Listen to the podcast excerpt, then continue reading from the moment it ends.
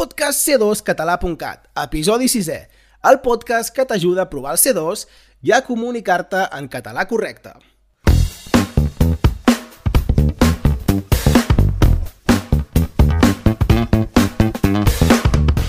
Hola de nou, hola una altra vegada al podcast de C2català.cat i sabeu què?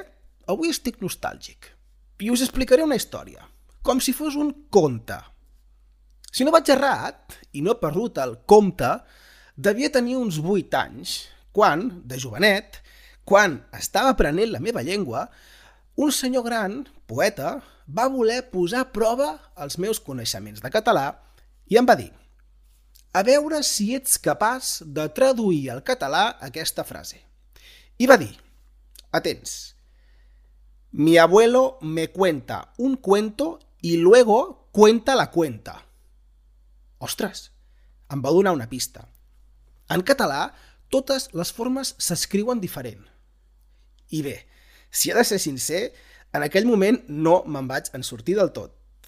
Però, gràcies a aquella dita, ara que ja sóc gran, sempre més escriuré correctament compte, compte i conte. Teniu clar com s'escriu aquesta dita en català?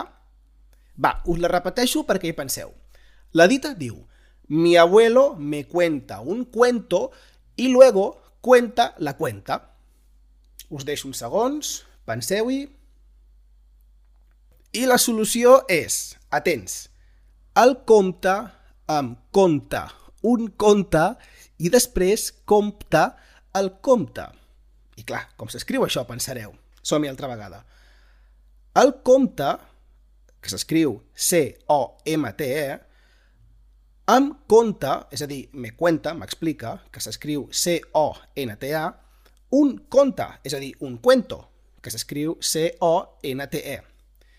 I després, compte, és a dir, cuenta, que s'escriu C-O-M-P-T-A, el compte, que s'escriu C-O-M-P-T-E. Quin embolic, oi? Realment no és tan difícil, escriviu-vos-ho en un paper i de seguida veureu que realment no té massa complicació. Si t'ha agradat, no et perdis cap episodi i subscriu-te al nostre podcast i doncs, comparteixo amb qui creguis qui pot estar interessat.